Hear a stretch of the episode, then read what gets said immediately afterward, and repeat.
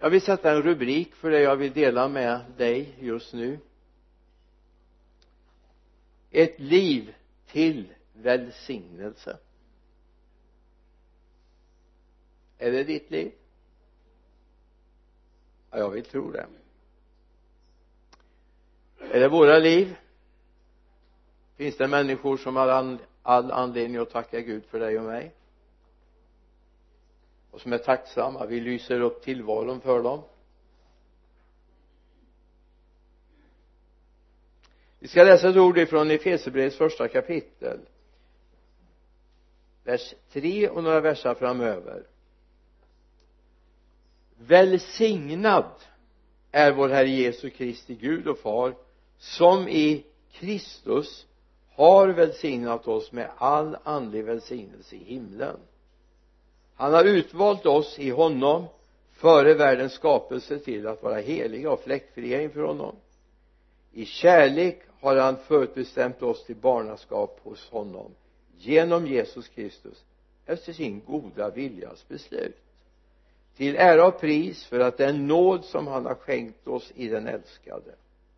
I honom är vi friköpta genom hans blod av förlåtelse för våra synder tack vare den rika nåd som han lät flöda över oss med all vishet och insikt. Han har låtit oss få veta sin viljas hemlighet enligt det beslut han har fattat i Kristus. Den plan som skulle genomföras när tiden var inne att sammanfatta allt i himlen och på jorden i Kristus Jesus. Allt skulle sammanfattas i honom. Jag vet inte jag tror inte Gud går omkring med en kamera och ingen mobil och tar foton ändå. Jag, jag tror inte det. Jag tror inte det finns någon sån där fotogalleri där uppe i himlen där han sitter och bläddrar över alla sina barn. Ändå har Gud en bild av oss. Och den bilden är hela vår tillvaro. Både morgon, middag, kväll och natt och när vi är up och när vi är down så har han en bild av oss. Och det är viktigt att vi ser den bilden av våra liv och inte vår egen. Eller att vi speglar oss i omgivningen och samtiden för då kommer vi upptäcka våra brister, svagheter och tillkortakommanden. Men om vi får spegla oss i honom kommer vi se oss i fullkomlighet. I den bilden ryms hela Guds vilja med ditt och mitt liv. Guds dröm. Har du tänkt på att Gud drömmer om din framtid? Det är inte så att du är predestin eller förutbestämd för att bli någonting. Det finns en bestämmelse men det finns inget tvång. Gud har en plan men det finns inget tvång. Det är inte Gud har inte programmerat dig med ett datachip i ryggen som säger att tack Jesus, tack Jesus, tack Jesus som en sån där docka som man hade när ni var mindre ni töser va? Tryckte de på magen så sa de mamma en del tror att vi är sådana men sådana är vi inte. Utan Gud har lagt ner en fri vilja. Det är därför så mycket har gått snett i vår värld. Men jag är väldigt tacksam ändå för att vi har en fri vilja. Det är inte så att jag är programmerad att jag måste älska Gud men jag får välja att älska Gud. Gud har en dröm att jag ska följa hans vilja och hans plan. Gud har en längtan att jag ska vara där. Varför då? Jo därför Gud har användning för mig. Till välsignelse där jag finns. I Efesierbrevets tredje kapitel vers 20 han som kan göra långt mycket mer än allt vi ber om eller tänker genom den kraft som verkar i oss hans är äran i församlingen och Kristus Jesus genom alla generationer i evigheternas evigheter. Amen. Han som kan låta sin kraft verka genom oss. Han kan det. Jag frågar får han det? Får han det? Bara slå mig nu? Det står ju i Matteus 6 vers 15 att man kan inte sätta ett ljus under skäppan man kan det men man ska inte göra det. Man ska sätta det i ljushållaren så det lyser för alla som är i huset, eller hur? 15, vers 15, 16 alltså Gud vill men frågan är Gud får Gud. Gud vill att jag ska vara till välsignelse. Gud vill att jag ska lysa upp min arbetsplats. Gud vill att jag ska lysa upp mitt kompisgäng. Gud vill att människor ska få se en äkthet. Inte att man ständigt får passa sig. Tänk om de vill nita mig. Utan jag får känna det här. Gud vill använda mig till välsignelse. Du är en välsignelse i den tid som är nu. Och jag tror det är viktigt att vi ser det. Att Gud har faktiskt tänkt att du ska vara till glädje på din arbetsplats när du går iväg till arbetet och känner en liten klump i magen och tycker det är jobbigt så tänkte jag att men Gud kanske har ändå något lite han vill använda mig till där. Och så kommer det en dag när, när den där klumpen har blivit så stor så att då säger Gud nej men då flyttar vi oss och sätter vi det på en annan plats. Men det blir väldigt synd om dem som du lämnar. För det är ingen som kommer kanske lysa upp på det sättet. Du vet att det är ingenting som man kan skriva in i sitt CV jag är en glad prick. Jag tror inte liksom ett sånt CV går hem precis va? Jag är väldigt nöjd. Jo men kanske kan så. Det handlar mer om faktisk kunskap om du har en social kompetens och så vidare va? att du är samarbetsvillig. Men tänk att om man kunde få skriva in jag älskar Jesus och jag kommer sprida Jesu ljus på den här arbetsplatsen va? Det skulle stå högst upp på cvt och så den faktiska kunskaperna längre ner va? För det är väldigt viktigt. Ja men det kan komma in människor som är väldigt surmulna på en arbetsplats. Och som drar ner stämningen. Eller de här som hela tiden ska tala illa om andra människor de är jättejobbiga. Man vet inte när säger de något ofördelaktigt om mig? Det skapar en väldig otrygghet. När gnäller de på mig? När inte jag är där, jag är sjuk den här dagen är det då de säger att det är hon eller han som aldrig vill hjälpa till? Men sådana människor finns ju på arbetsplatsen, det vet vi ju. Men vi är inte en sån, eller hur? Därför vi sprider Guds välbehag på arbetsplatsen. Det är vår kallelse att göra det. Så låt dig präglas av Guds bild av dig. Ta en stund på morgonen så att du verkligen präglas av Guds bild av dig. Och den Gud vill att du ska få vara. Inte i egen kraft för det kommer du aldrig klara av men i hans kraft. Gud har en dröm för din dag. Gud har en dröm för morgondagen. Att du ska få bli en välsignelse. Att när någon ringer i din telefon ska de få möta Guds välsignelse. Och då är det inte bara det att man skriver eh, GBY va? God bless you eller GVD GVD Gud välsigne dig i smset. För det kanske egentligen kan vara lite tomt. Frågan är kommer det ur hjärtat på den människan? Gud vill upplysa den tid där vi lever med ljuset från himlen. Gud vill det. Gud vill upplysa den här tiden med ljuset ifrån himlen. Vi är hans barn. Det står faktiskt så här i Matteus 5 vi går dit, Matteus 5 så är Matteus 6 så var det fel. Matteus 5 ska det vara. Men vi går till vers 13 då säger Jesus någonting. Ni är jordens salt ni är jordens vers 14 ni är världens ljus. Och så skulle vi kunna läsa hela sammanhanget det är en bestämmelse. Och jag menar egentligen de han talar till var ju egentligen lite misslyckade människor. Jag menar här fanns det en som stal ur kassan. Här fanns det en som skulle förråda, det var ju samma person. Här fanns det en som skulle förneka och till och med Jesus säger vid ett tillfälle jag har utvalt er alla ändå är ni djävul.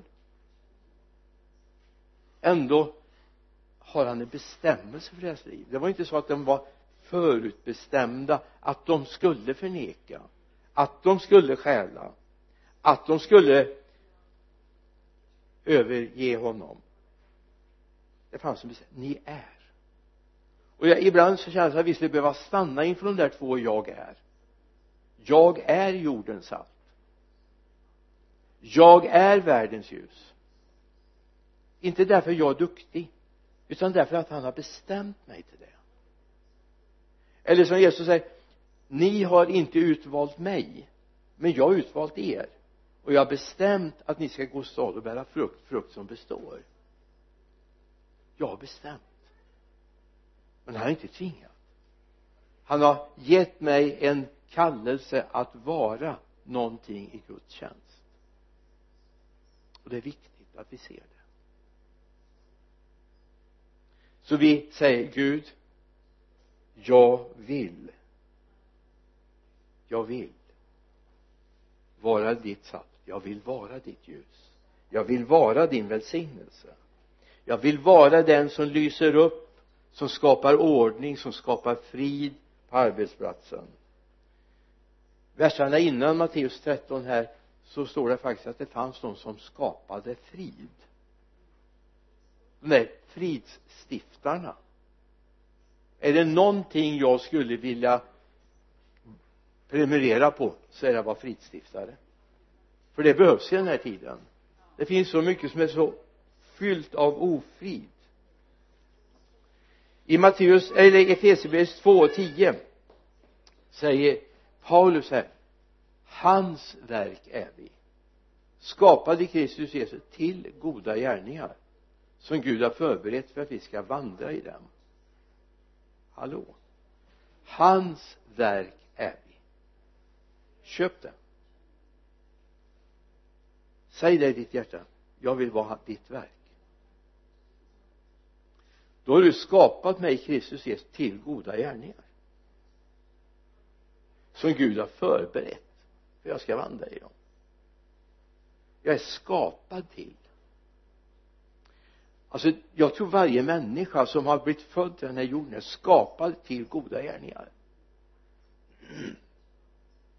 Till och med de som har gjort de mest fruktansvärda saker i vår världshistoria.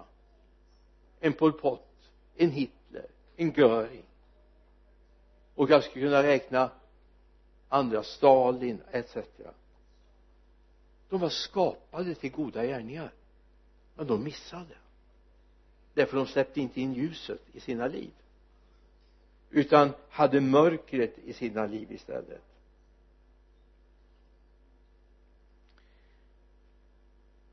När jag gjorde min vapenfria värnplikt för många år sedan jag gjorde den på lite olika platser men eh, på varje plats så ingick det ju med att jag inte var fast anställd och hade inget sånt där kort att dra och så vidare. Då skulle jag anmäla mig att jag var på plats. När jag jobbade på försvarsdepartementet så skulle jag anmäla mig för våran expeditionschef att nu är jag på plats. Och tittade han alltid på klockan. Okej okay, det gick bra den här gången också i princip. Och när jag jobbade på ett annat ställe då skulle jag anmäla mig för en major skulle stå i enskild ställning och grejer och göra honnör fast det gjorde jag aldrig för jag hade lärt mig när jag var scout att man gör inte honnör utan någonting på huvudet. För det betyder något helt annat. Och det försökte jag tala om för majoren men han förstod inte det. Förstod inte han hade nog aldrig varit scout. Så han förstod inte att det var något helt annat om man gjorde honnör med bar huvud. Men då var jag tvungen att anmäla mig. Så tänkte jag så här. Lyssna. Tänk om du skulle se så här. När du vaknar imorgon bitti. Så startar du dagen med att säga nu är jag här. Använd mig. Jag anmäler mig till tjänst. Innan du går till jobbet. Innan du träffar kompisarna innan du har den där fritidsaktiviteten eller vad du sysslar med imorgon nu va? Jesus. Jag är här nu. Jag anmäler mig till tjänst. Du blir aldrig orolig för att han är försenad. Han är alltid där och tar emot dig. Alltså att vi får anmäla oss inför kungarnas kung och herrarnas herre. Jag är till tjänst. För jag vill vara en välsignelse i den dag och där jag möter. Du vet det är så många människor vi möter idag som verkligen behöver någon som är till välsignelse för dem. Människor vaknar på fel sida. Människor känner sig tvingade till jobbet eller den situationen. Och känner sig inte alls bekväm med sitt liv. Tänk att då få möta någon som är en välsignelse. Ja men det har vi säkert gjort vi också på arbetsplatser det finns surkartar men de behöver vi ju inte hänga upp oss på. Det finns trevliga människor. Jag jobbade på ett elföretag hemma i Mariestad. Så hade vi en av våra förmän som var oerhört trevlig människa. Att jag sen fick reda på att han var pingstvän gjorde ju inte saken sämre men jag visste inte det. Men han var otroligt trevlig tillmötesgående och hade det vanliga sociala. Man kunde prata lite väder och vind och familj och sjukdom och friskhet och innan alla de där uppgifterna. Han stod inte bara med en lång lista och prickade av. Utan man kände bara att yes här får jag landa. Han var en välsignelse. Det betydde inte att vi var slarviga i jobbet eller inte gjorde våra sak, vår sak. Det var mycket lättare att jobba över en sån dag när han var förman. Det var mycket lättare när han lyfte luren och sa till våran walkie-talkie att idag får ni jobba extra det har hänt någonting. Nu får ni ut. Därför att han var en välsignelse. Och det förstår vi sen när jag fick reda på vem han var och var han hörde hemma. Jag hade inte mött honom förut. Att han var en välsignelse. Är du en sån? Även om du inte är förman eller chef på företaget. Men är du en välsignelse att möta? Jesus bor hos dig. Jesus vill att du ska vara en välsignelse. Jesus vill att du ska vara vänlig mot människor och möta dem med kärlek och omsorg. Jag citerar ju förut Johannes 15, 16 lika bra att du får med det då här också. Ni har inte utvalt mig utan jag har utvalt er och bestämt er till att gå ut och bära frukt. Och er frukt ska bestå. Då ska fadern ge er vad ni än ber honom om i mitt namn. Vårt liv är en välsignelse. Kan du ta in det? Jag skulle önska att du kan ta in det. Jag menar vi kan vara så lätt färgade av den samtid där vi lever. Av de vänner vi har runt omkring oss. Så vi dras med i allt detta ack och ve. Jag menar lönen är kanske för låg. Arbetstiden för lång arbetsuppgifterna för många. Vi är för få på arbetet. Ja men det finns så mycket som skulle kunna dra ner vårt sinnesstämning. Men i oss bor Jesus. Och låt åtminstone vännerna få se, höra och märka det. Att du har frid med Gud. Jag ska säga mycket jobbigare att ha ofrid med Gud. Att komma på kollisionskurs med Gud är inte alls roligt. Men vi har frid med Gud och det kan få lysa igenom i hela vårt liv. Nu vill jag vända på det och säga så här. Nu flyttar vi oss ut i perspektiv här är vi och så finns det perspektivet här ute. De där som inte känner Jesus som aldrig har hört talas eller jag har hört talas om honom förmodligen men inte tagit emot honom i sitt hjärta. Vet du vad? De borde tacka Gud för att du finns ja, det är ju inte lätt att tala om det för dem men det kan ju bli lite storhetsvansinne då va? Men de borde vara tacksamma för varje församling. Varje kommunledare borde tacka Gud för att det finns församlingar i deras kommun. Vår regering borde tacka Gud för att det finns kristna människor och inte ta bort rätten att ha kristna skolor eller kristna uttryck i skolan. De borde tacka Gud för att det finns kristna människor. Jag ska inte säga att, att i brottsstatistiken att det är noll procent bland kristna. Det finns kristna som sitter i fängelse alltså även i vårt land. Oftast har de blivit frälsta i fängelset men får avtjäna sitt straff ändå och så får de vittna. Det kan gå som med pastorin som satt i i eh, fängelse. De slängde ut honom ur fängelset därför han vittnade och omvände alla i fängelset. Det var väl i Bulgarien han satt va? En period. Burma var förlåt Burma var helt rätt.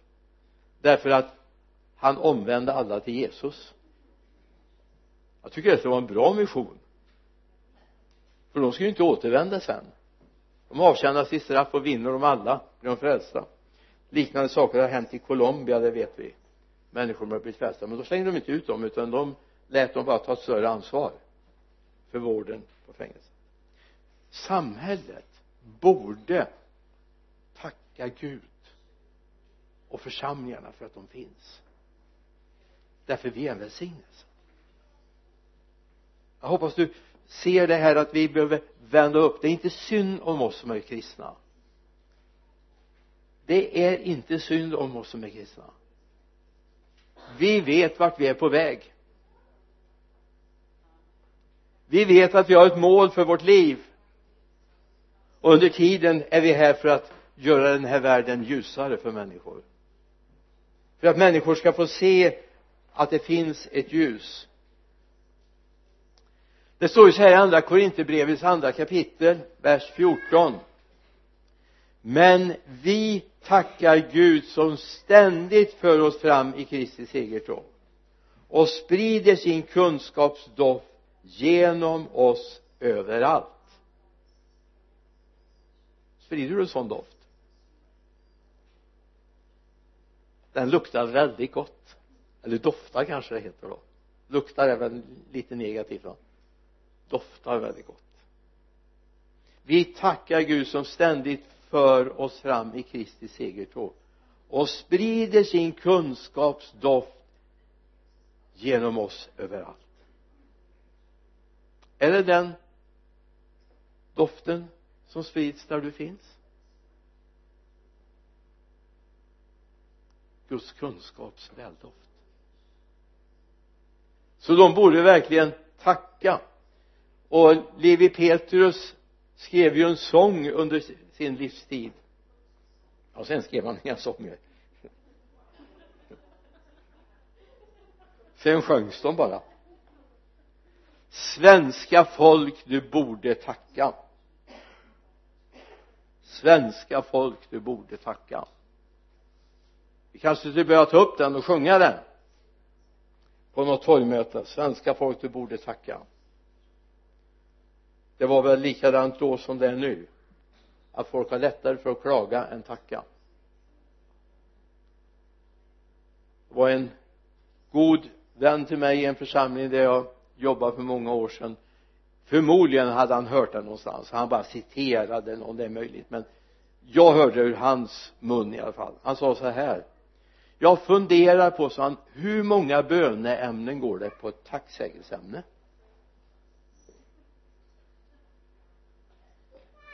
Det betyder ju inte att vi inte får bönesvar, eller hur?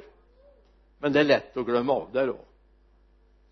Vi ber för saker och ting och så händer det och så ser vi inte att det är ett tacksägelseämne att det är ett bönesvar. För någonstans är vi programmerade den här världen. Vi ska bara ha. Jag menar väggarna ska vara välpreparerade belagda inga hål i dem. Jag menar vi som är uppvuxna lite tidigare före de flesta av er vi vet att det fanns, fanns grusvägar. Där man fick gå om det fanns någonting emellan hålen.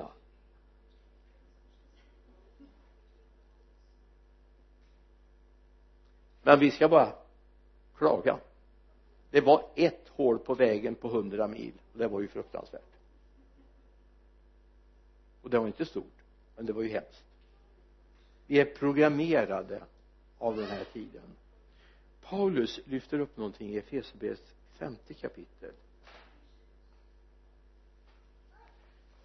Det här är du får höra vad han skriver nu verkligen. För det är inte alltid så vi tänker. Vers 8 vers 9 tidigare var ni mörker men nu är ni ljus i Herren? Lev då som ljusets barn. Vi tar den versen igen. Tidigare var ni mörker. Inte i mörker. Ni var mörker. Men nu är ni ljus. Det är inte bara att vi är i ljuset. Vi är ljus. Ni är världens ljus. Ni är ljus i Herren. Lev då som ljusets barn för ljusets frukt består i allt vad godhet, rättfärdighet och sanning heter. Och pröva vad som gläder Herren. För ljusets frukt består i allt vad godhet, rättfärdighet och sanning heter. Och pröva vad som gläder Herren. I oss har Gud planterat in ljus. I oss och det här kommer märkas när vi går fram. För vi är här för att sprida det ljuset. Vi ska vara en välsignelse. Gå till jobbet imorgon med den föresatsen. Inte i din egen kraft naturligtvis inte men därför att han bor i dig. Det måste ju få märkas. Dölj inte det. För vi är inte kallade till att gömma oss eller huka. Utan vi är kallade för att vara ljus. Vi ska inte sätta ljuset under sädesmåttet eller skeppan eller hinken. Det är lite olika som i olika bibelöversättningar. Utan vi är kallade att sätta ljuset på ljusstaken.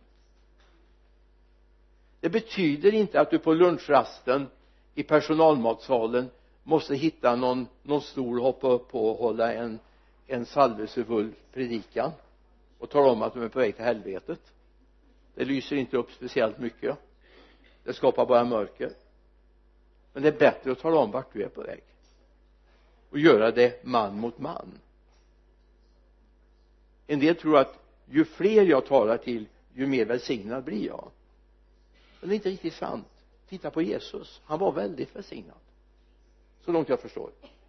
Han talade med kvinnan vid Sykars brunn han mötte männen av tio vid ett tillfälle. Sen hade han ju undervisningstillfällen vid eh, bergspredikan slättpredikan och så vidare. Men oftast var det en och en. Och det är så vi ska möta människor. Låta dem få se att det finns någonting som har fötts i ditt hjärta och som bor där så vi ska göra gudstjänst inför Gud. Sen kommer någonting som är viktigt. Egentligen skulle jag läsa hela andra kapitlet första Timoteusbrevet. Men det kan du få notera och så läsa hemma. Men jag läser någonting som drabbar mig själv. Kan vi läsa om kvinnorna också sen då. De ska uppträda så men det är någonting som har fångat min blick mer än en gång jag vill nu, vers 8 jag vill nu att männen på varje plats ska be med heliga lyfta händer utan vrede och diskuterande. De där två sista sakerna är inte minst viktiga. Utan vrede och diskuterande det är män väldigt bra på. Eller ska vi säga väldigt dåliga med. Det handlar om att be med heliga upplyfta händer. Varför då? Jo det är att bejaka. Det var så man gjorde avtal. Med upplyft hand. Så gjorde man avtal. Och det ska vi göra med Gud. Vi ska hålla avtalet. Så det är inte oväsentligt. Faktum att det står mer om upplyfta händer än om knäppta händer. Det är inget fel med knäppta händer för det är bra ordning på var man har fingrarna. Och det är faktiskt inte därifrån det kommer. Det kommer ifrån att man bad i korsets tecken sen av bekvämlighet så sjönk de ner. Och så bekänner man att Kristus är Herren inte kejsaren. Kristus är Herren i det romerska imperiet. Sen vill jag ta med dig till en tanke till som har jobbat inom mig. Det är från Esra boks fjärde kapitel. Det här är i den situationen när man har gjort vad ska jag säga ett rådslag. Man ska försöka förgöra judarna i landet som ändå då kanske egentligen är ett litet främlingsfolk här i, i, i det land som är ockuperat. Men man vill bli av med dem. Och mitt i det här så fanns det en drottning som hette Ester eller Vasti som eh, blev åsidosatt på grund av det hon hade emot kungen. Och så fastnar han för en judisk drottning Ester. Det är väl värt att läsa för det här är så spännande. Hur Haman försöker att, att sprida misshag mot judarna och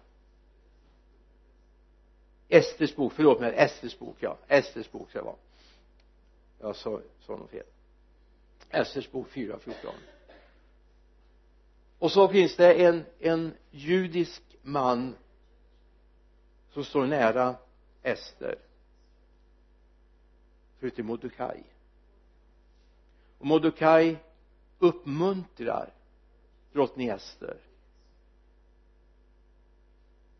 Uppmuntrar henne att verkligen tala med kungen. Du står ju ändå närmast. Sen visste ju Mordecai och det visste Ester också att det var inte så här att hon bara kunde knacka på och säga hallå nu vill jag prata med dig. Det var inte Sverige 2000-talet utan det här var före Jesu tid.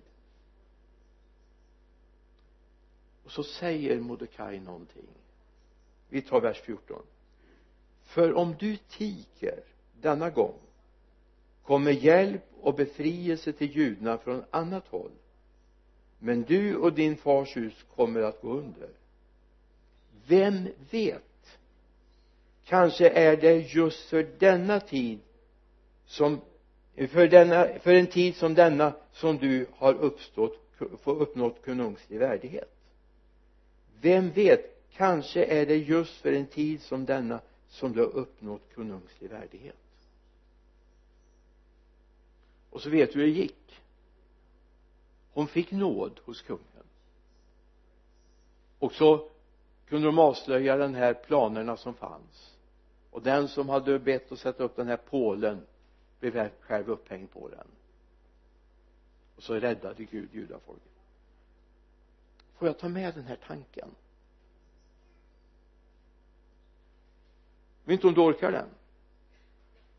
Kanske det är för just denna tid en tid som denna som du finns där du finns.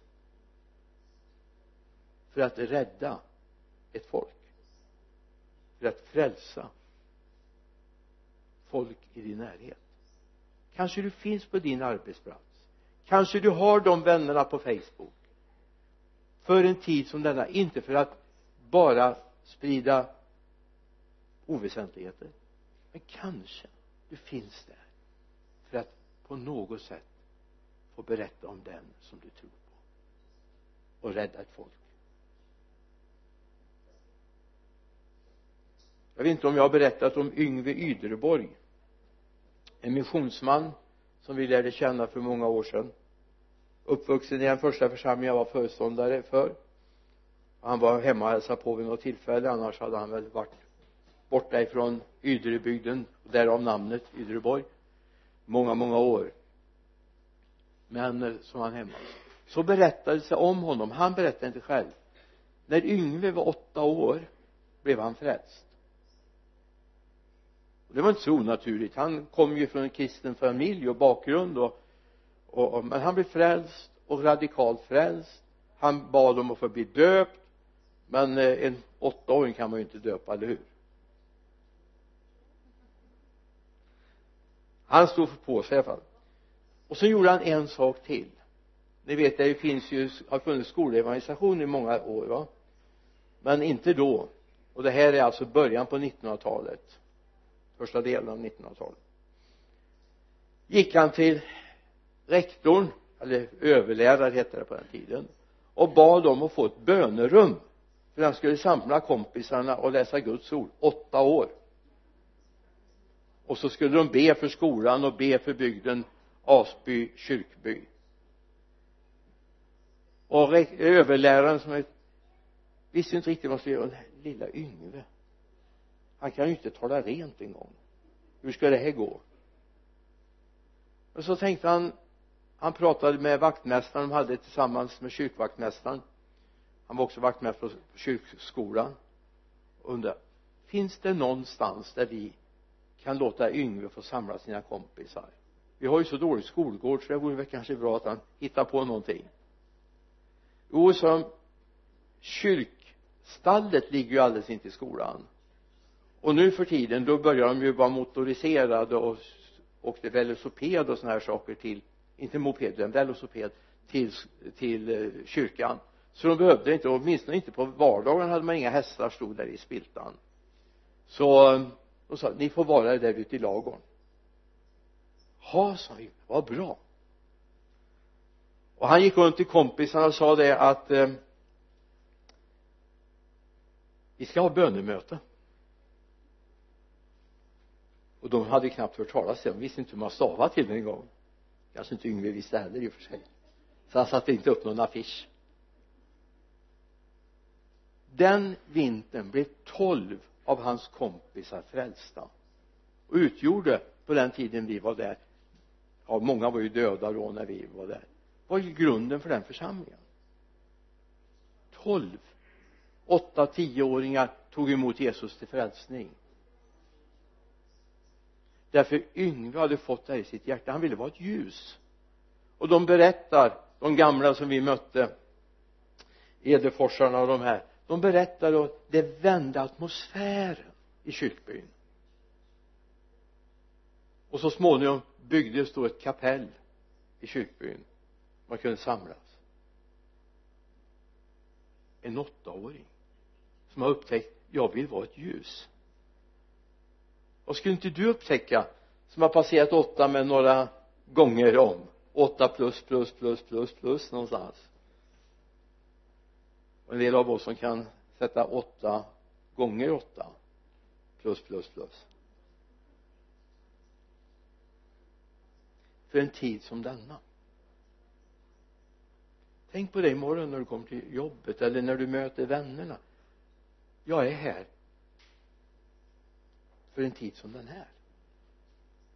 Jag vill vara till välsignelse för det är ju det du är kallad till att vara till välsignelse. Om vi tittar i bibeln ska vi se att det finns människor som har gjort avtryck. Vi har Mose vi har Ester. Andreas Petrus och jag skulle kunna göra den här Elia och Elisa och alla de jag skulle kunna göra en oerhört lång. Ska vi gå till vår tid så vi kunna tala om den Levi Petrus som döptes här 1899 i den här dopgraven och som blir grundare av pingsrörelsen i Sverige. Vi skulle kunna tala om Daniel Högberg eller Daniel Berg som döptes i samma dopförrättning vars rörelse borta i, eh, i Brasilien idag räknar över 20 miljoner medlemmar. För en tid som denna. Vad vi inte tänker på eller ta Billy Graham, Frank Mangs jag skulle kunna räkna många av de där giganterna som har vunnit tusentals människor för Jesus. Jag vet inte om någon ja, ni, har inte, ni är inte gamla nog så ni har inte mött någon av de här. Billy Graham har jag inte mött heller personligen. Men på hans begravning var alla nu levande presidenter i USA med. Och nuvarande presidenten höll ett oerhört gripande tal vid hans bår. Och talade om vad han har betytt för det landet vad han har betytt för den här världen. Vad vi inte tänker på att bakom det här finns det någon som var till välsignelse. Det är så lätt att vi fastnar. Ta Levi Petrus här. Hade inte hans vad blir det morbror Sven Nyman kommit till Västra Tunhemsbygden? En drinkare som Gud hade rest upp ifrån dryckenskapen och blev frälst. Och nu åkte han hem till hembygden i ett enda syfte för att berätta om den nyvunna tron på Jesus. Och när eh, Levi Petrus pappa då som inte var frälst än såg Sven Nyman komma och tänkte oj nu får jag en dryckeskompis här igen. Han kände ju honom sen gammalt. Han var ju hans svåger de hade haft många ja party sa man nog inte på den tiden. Man har inte uppfunnit det ordet än. Många fester tillsammans som har spårat snett då kommer Sven och säger nej Jesus har flyttat in och spriten har flyttat ut. Och jag behöver inte det jag har fått någonting som är långt mycket bättre jag har fått Jesus. Och så blir föräldrarna frälsta. Jonssons uppe i floget blir frälsta ur den myllan kommer Levi Petrus som sedan får vara med och bygga upp. Hur många talar om Sven Nyman? Där vi talar om det som har hänt med Lewi Petrus med Daniel Berg som får vara till hjälp och välsignelse för miljontals människor.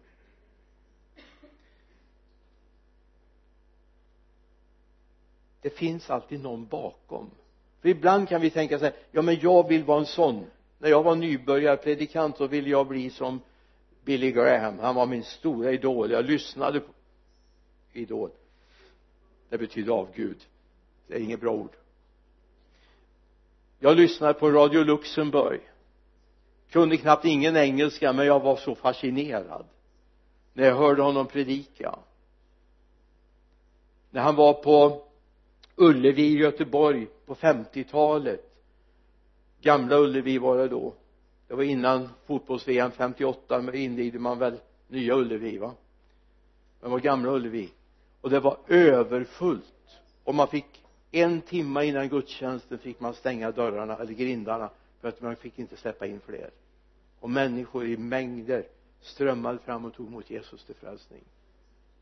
Men bakom honom fanns en baptistpredikant ute på landet som fick föra Billy till tro på Jesus. Vem talar om honom? Eller Mose. Alltså Mose hade inte blivit Mose som har fört ut folket ur Egypten om inte Mose hade haft rättfärdiga föräldrar och gudfruktiga föräldrar. De talar vi inte så ofta om men vi talar om att Mose med upplyft hand förde folket över Röda havet va? Att han slog på klippan och där rann vatten. Men hade två gudfruktiga och rättfärdiga föräldrar som dolde Mose i tre månader för att inte Egyptens härar skulle ta honom för att ingen hebreisk pojk fick leva? Ingen utan skulle slängas i Nilfloden till till eh, krokodilerna i Hebreerbrevet 11 berättas om dem. Så vi jag skulle vilja bara påminna dig om att det finns folk bakom som har varit till välsignelse. I tron hölls den nyfödde Mose gömd av sina föräldrar i tre månader. De såg att det var ett vackert barn och lät sig inte skrämmas av kungens påbud. I tron vägrade sedan Mose som vuxen att kallas faraos dotterson. Han ville han valde att hellre bli förtryckt tillsammans med Guds folk än att ha ett kortvarig njutning av synden.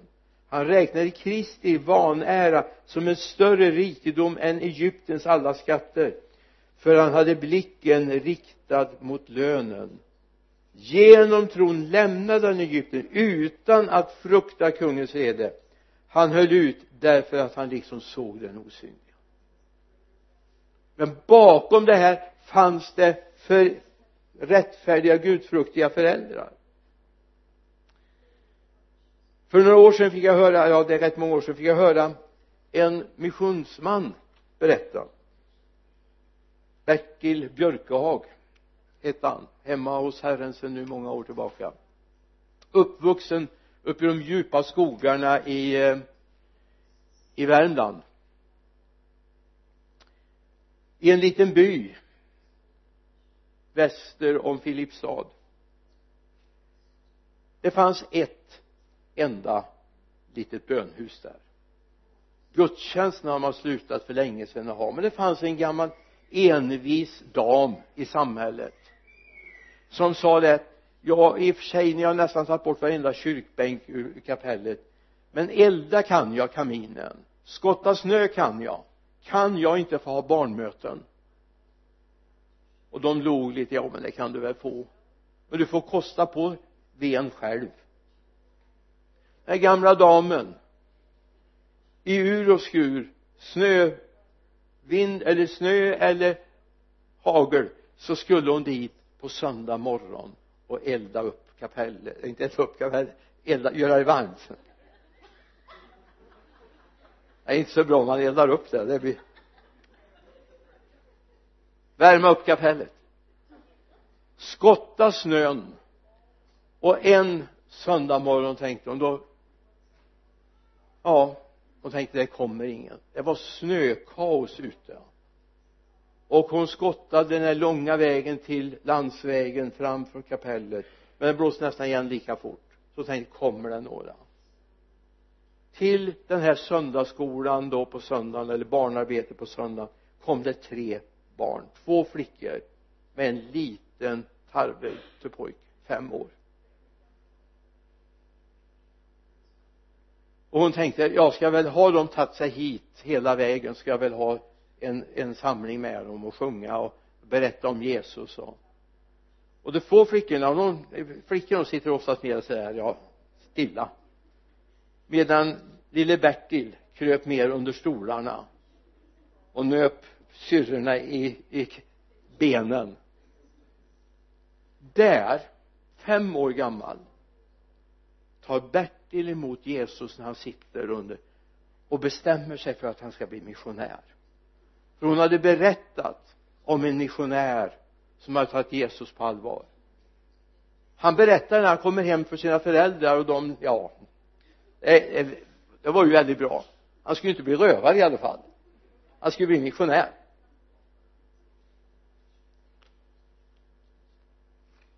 Där tar han emot Jesus. Det går 20 år. Så söker han in på eh, missionsskolan missionärslinjen i Örebro. Och han åker ut som förkunnare som byggmästare och byggde sjukhus, kyrkor, skolor. Undervisade under en period också när de inte hade lärare han lärde sig språket han fanns i eh, republik centralafrika. Han hade mötts av evangeliet. För det fanns en äldre dam. När tänker vi på det? Ibland kan vi tycka så här ja men jag och min lilla insats vad kan den göra? Jo du kan göra mirakel bibeln är full av sådana här, jag menar ta Ananias i, i Damaskus som får gå med hälsningen till Paulus. Vi vet ingenting om honom sen. Vi vet bara att det fanns en lärjunge som hette Damas äh, eh, äh, eh, hette Ananias och som går till Paulus där på raka gatan. Sen försvinner han ut. Vi vet ingenting om den här Ananias. Jag menar det finns personer som bara glimmar till. Men tänk om de inte hade funnits? Tänk om inte Mose föräldrar hade varit gudfruktiga rättfärdiga och litat mer på Gud än lytt kungen i landet eller faraon i landet.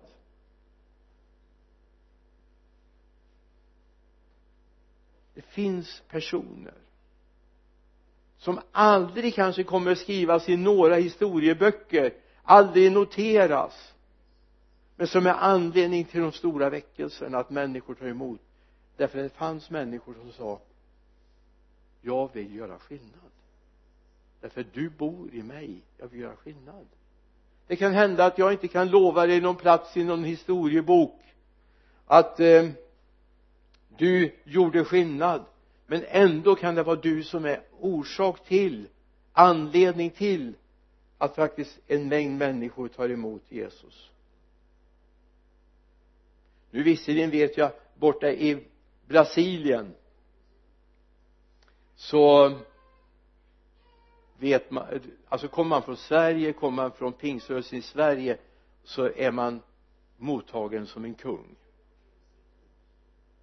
Jag mötte en som hade varit i Brasilien nyligen i norra Brasilien där Daniel Berg verkade. Men eh, Sven Nyman vet man inget om. Eller Björk söndagsskolläraren som hade de här i söndagsskolan. Vi som har läst lite grann historia här på närtid och mött de som har mött de här så vet vi om det. Men där ser de inte det. En dag kommer ditt och mitt liv avslutas. Vi kanske aldrig kommer noteras i några liggare någonstans ändå kan vi ha varit anledning till att människor har kommit till tro på Jesus. Vi ska göra skillnad. Jag skulle kunna tala med dig om Abraham. Jag skulle kunna tala om hans offer som betyder så oändligt mycket för att människor skulle ta emot Jesus till frälsning kom ihåg det är inte mängden som räknas det är inte storleken på det jag gör men att jag gör rätt sak. Det är jag kallad till. Jag skulle inte bli en Billy Graham även om jag trodde det när jag började som evangelist. Jag skulle hålla bibeln som han gjorde och allting och nästan låta som han. Fast på svenska då. Men det var ju inte min kallelse. Vi kan ha förebilder, ja det är bra. Men var dig själv och vad den Jesus har en dröm om att få se låt mig få runda av där. Jag tog ju, sa i början. Jesus har en dröm om ditt liv. Han har planlagt det. Han har gett dig förutsättningarna. Jag menar Mose han var också lite tveksam när det gällde att tala. Jag har ingen talför tunga sa han när Gud kallade honom. Men när han avslutar sin tjänst så säger han lyssna ni himlar! Lyssna ni jord! Det fanns där. Det fanns där. Och vad viktigt är att vi ser vad Gud har kallat dig till. Det kan hända att en dag kommer människor tacka Gud för att du var lydig och när vi är hemma i himlen så kommer vi bli så fascinerade så förvånade när människor som vi inte har en aning om rusar fram mot oss och säger tack för att du var trogen. Tack för ditt vittnesbörd. Nu har jag funnit honom. Gud vill Gud har planerat. Gud drömmer om att du ska vara en välsignelse. Gud vill det. Gud har gett dig förutsättningarna. Gud har gett dig möjligheterna. Släpp bara in det som han vill i ditt liv. Det står så här i Romarbrevet 8 jag ska avsluta med bibelordet vers 28 och några verser framöver. Framförallt vers 29 vi vet att allt som samverkar vi vet att allt samverkar till det bästa för den som älskar Gud som är kallade efter hans beslut. Den som han i förväg har känt som sina har han också förutbestämt till att formas efter sonens bild så att sonen blir den förstfödde bland många bröder. Amen. Det här är vad han vill med ditt liv. Gud välsigne dig.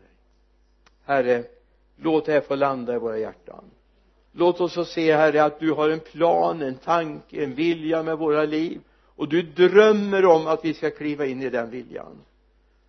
Herre du har gjort gärningar förberedda som vi ska få vandra i. Herre hjälp oss att kliva in där. Vara där. Göra det du vill. Jag ber i Jesu namn. Amen.